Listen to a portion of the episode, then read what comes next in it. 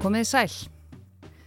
Það var síðdegis á fymtudag í nýliðinni viku sem eldur kviknaði í blokkarýbúð í borginni fögru Valencia, höfuborg samnemnd héraðs á Spáni. Það sætir svo sem ekki tíðindum að það kvikni í hvað þá á Spáni. Bara hérna á Íslandi fara slökkuliðin okkar í þúsundir útkalla vegna bruna eða eldsvoða á hverju ári og þessum útköllum fjölgar stöðugt. Þetta eru auðvitað mis alvarleg útköll, fæst, mannskeið sem betur fyrr en allir brunin á Bræðraborgarstíg sé ekki eitt nýjasta hræðilega dæmið þar sem þrjú létust og sex búa við varanlega örorku eftir að húsið sem þau byggu í brann. Það hefði verið kveikt í. En þrátt verið það hefði kannski verið hægt að koma í veg fyrir einhverjar hörmungar með því að fylgja reglum um brunavarnir að láta fólk ekki búa í húsi sem er ófullnægjandi þegar kemur að eldvörnum. En það sem gerðist í Valencia á fymtudag, það var engin venjulegur bruni. Spænskur byggingaverkfræðingur fullir þér að þetta sé fyrsti bruni sinnar tegundar, eða má orða það þannig, á Spáni. Klæningin á húsinu bara fuðraði upp eins og hún væri hönnuð til þess og það vekur upp óþægileg hugrenningatengsl við annan bruna. Fjórir breski ráþeirar voru varaðir við hættunni á eldsóða í fjölbílisúsum á borð við Grenfell-turn þar sem að minnst að Það tók eldtungurnar í Valencia um það byrj hálf tíma að breyðast um alla blokkina frá íbúð á fjórðu hæð. Tíu léttu lífið.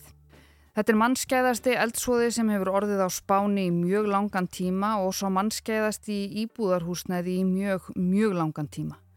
Í oktober í fyrra letust 13 í eldsvoða á næturklúpi í yðnaðarborginni Saragossa og svo heimta hinnir árlegu gróðureldar sem verða bara verri og verri eftir því sem árin líða og jörðin hlínar alltaf einhver líf.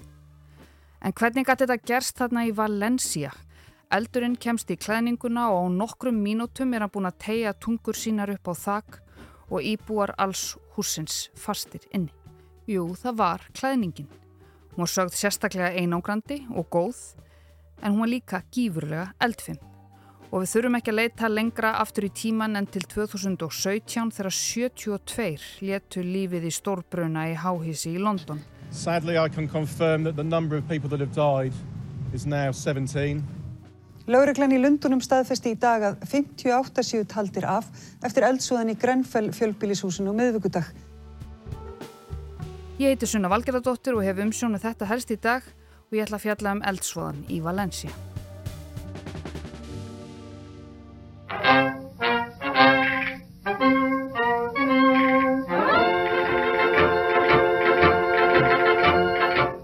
Það búa um 800.000 í Valencia. Þetta er þriðja stærsta borg Spánar og eftir Madrid og Barcelona. Valencia er mikil menningarborg, hún er stútfull af list, gallerjum og stórkostlegum byggingum, allt saman þrungið sögu. Og þið sem hafið komið til Spánar eða til annara miðjarðarhafslanda, þið þekkið líklega til fjölbílisúsana sem hýsa flesta íbúa borgana. Þetta eru 10, 20, 30, jafnvel 40 eða 50 hæða blokkir, oftast með svölum kannski tjaldi eða markísu til þess að skíla í búum fyrir heitri sólinni. Í einni slíkri, tiltörlega nýri og sögði fítnekantinum, kviknaði eldur. Að er talið er í íbúð á fjörðu hæð. Það eru fjórtán hæðirnar í blokkinni. Og fyrir þau sem til þekkja í Valencia er húsið sem er samansett af tveimur stórum byggingum í Kampannar hverfi borgarinnar. Valencia! Þetta er hverfi í norð-vestur hlutanum, skilgreint sem efri millistjættarkverfi, byggt upp við Árbakka Túríja árinar og þar býr mikið af ungu, þokkalega vel stæðu fjölskyldufólki.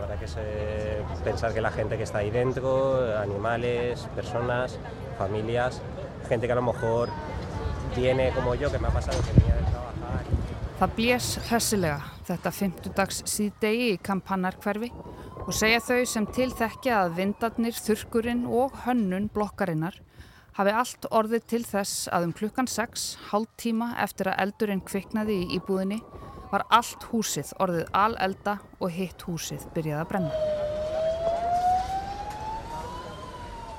Spænskir fjölmiðlar greina frá því að húsverðinir hafi bjargað fjölmörgum lífum með snarræði sínu. Þeir hlöpu um húsið, hæð eftir hæð, börðu á hurðir íbúðana og öskruðu að það væri kviknað í. Það er hálf ótrúlegt að sjá hversu hratt eldurinn breytist út á myndskeiðum á netinu. Það er engur líkara en blokkin sé bara byggð úr pappir. En hún er það alls ekki, hún er byggð úr steipu og svo voðalega fítni klæningu sem er sögð henda mjög vel til einangunar. Allar 138 íbúðunar urðu eldinum að bráð, tíu lík hafa fundist og enn fleiri slösuðust alvarlega þeirra á meðal sex slökkulismenn og lítið barn.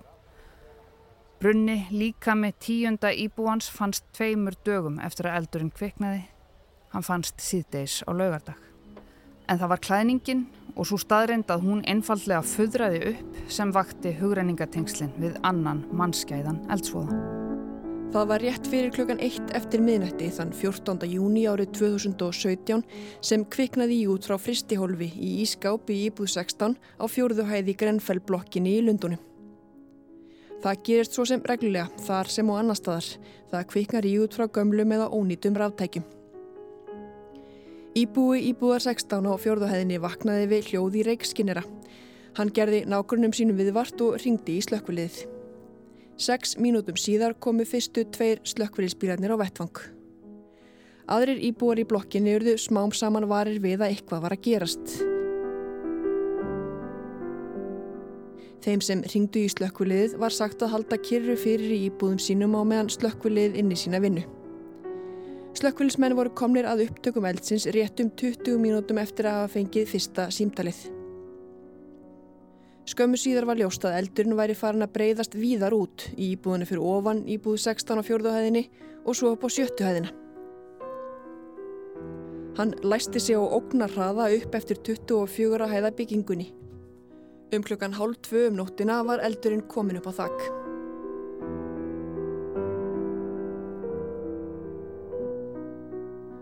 Fljótlega var ljóst að eldsvoðin var gríðarlega umfangsmikill og fréttastöðvar hófu beinar útsendingar þeirra á meðal skæ.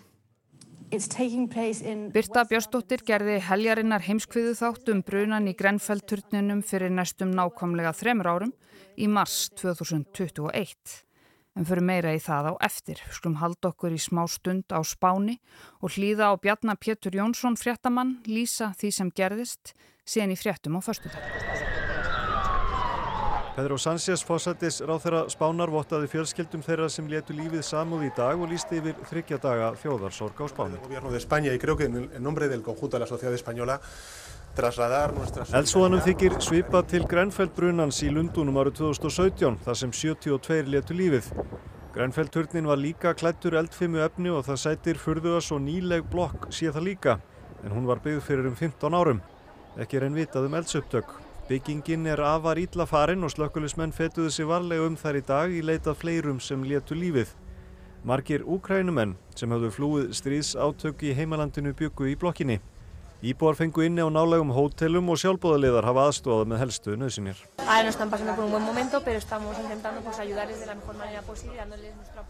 Viðbræðsaðilar komu upp neyðarsjúkrahúsi í nákvæmni brunans til að geta hlúða þeim særðu sem streymdu út úr byggingunni sem hýsti þarna um 450 íbúa.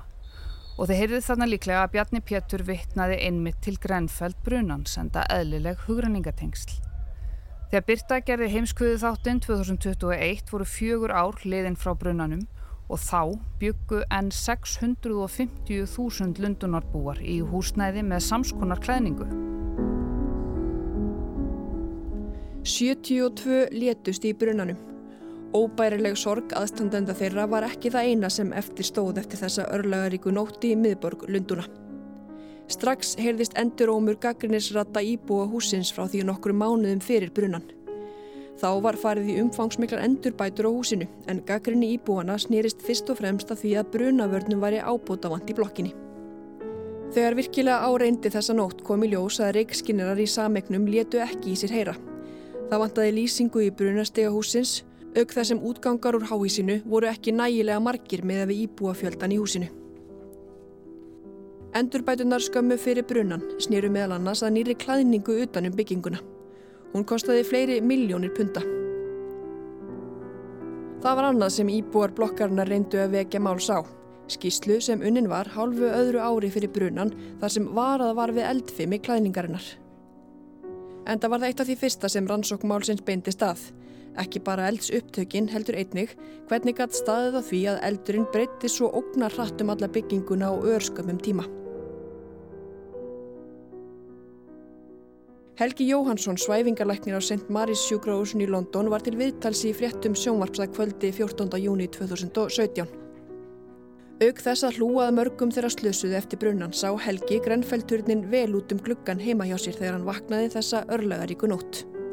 Ég hef aldrei séð annan eins eldgerni í London eða eiginlega nokkur staðar og, og það var bara ótrúlegt hver hratt hann fór í gegnum alla bygginguna og hver mikill eldurinn var.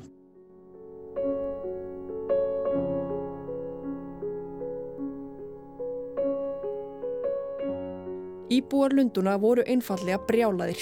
Theresa May sem þá var fósettisra á þeirra gerði eins og þeirra er síður þegar eitthvað bjátar á og mætti á vettfang. Þegar hún heimsóti kirkju í nákrenni Grenfell sem nótuð var sem atkvarf og hjálpar miðstöð fyrir íbúahúsin sem mistöðu allt sitt, veittust íbúar hverfisins aðinni. May fór á brott í lauruglufylld undir rópum íbúa hverfisins sem sögðu hana eiga að skamma sín.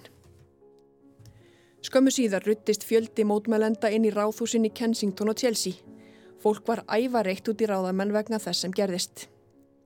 Eldsvoðun hróðalegi reif nefnileg gömulsár, eða gömul, sígræn sár kannski, sársöka stjættaskiptingar sem mörgum þótti Grenfellbrunnin lýsandi dæmi um. This is a tale of two cities. This is what Dickens was writing about in the century before the last, and it's still here in 2017. David Lammy, þingmaði verkamannaflokksins, sagði þarna í viðtali við Breska ríkisútvarpið að þetta væri saga tveggja borga og vísar þar til skáldsögu Charles Dickens að Tale of Two Cities. En meining þingmannsins var líka að í borginni byggju tveir hópar. Þau ríku verða ríkari, þau fátæku fátækari. Þó að árið væri árið 2017, þá var það sama upp á teiningnum og þegar Dickens skrifaði sínar sögur á 19. öld. Um munaðaleysingjan Pippi í glæstum vonum, um einstæðingin og auðmannin Ebenezer Scrooge í jólaæventýrinu klassiska og svo auðvita söguna um munaðaleysingjan Oliver Twist. En aftur til spánar. Um helgina kom svo í ljós að þetta var ekki það sem fólk ótaðist í fyrstu, þetta væri sama klæðning og í Grenfell turninum í húsinu í Valencia. En svo hefur líka komið fram að verktakinn FBEX por... sem fór á hausinn 2010 ári eftir að framkvæmdum lauk við húsið skrifaði í upphaflegu framkvæmdarskíslunum að einhvers konar steinull hafi verið notuð í klæningu og hún er alls ekki eldfim en þessar upplýsingar stangast á við nýjustu skíslunar um álpanelin En í kynningarmyndbandi frá verktakanum Sáluga síðan 2007 er sérstaklega minnst á glænýtt og spennandi klæningarefni sem hafi komist í gegnum allar ströngustu prófanir með glæsi brag. Febex le presenta su nueva promoción en Valencia compuesta por un innovador material de aluminio tipo Alucobol aplicando rigurosos controles de calidad durante todo el proceso de edificación. Meðar þeirra sem búið er að gera ofinbært að hafi tínt lífi í brunanum var fjögur að manna fjölskylda, foreldrar og tvö ung börn þeirra og svo eldri hjón. Þetta er mannskeiðast í bruni í Valencia í meira en 600 ár. Já, þetta er borg þrungin sögu. En það var árið 1447 sem íkveikja í miðborginni varð sömu leiðis tíu að bana. En það er haft eftir vara fórsetta félags byggingaverkfræðinga í Valencia að þetta sé í fyrsta sinn sem svona eldur eða svona bruni hafi orðið á spáni. Og vonandi verður þetta líka í síðasta sinn. Það er eðlimálsins samkvæmt búið að aflýsa fjölda viðburða vegna þessa bruna, stórt svæði er innsiklað og almenningi bannað að fara þar um og rannsókn enn í fullum gangi og forsvarsfólk Grenfell minningastofnunarinnar þau hafa sendt frá sér samúðarkveður og bóð um alla þá aðstóð sem þau geta veitt.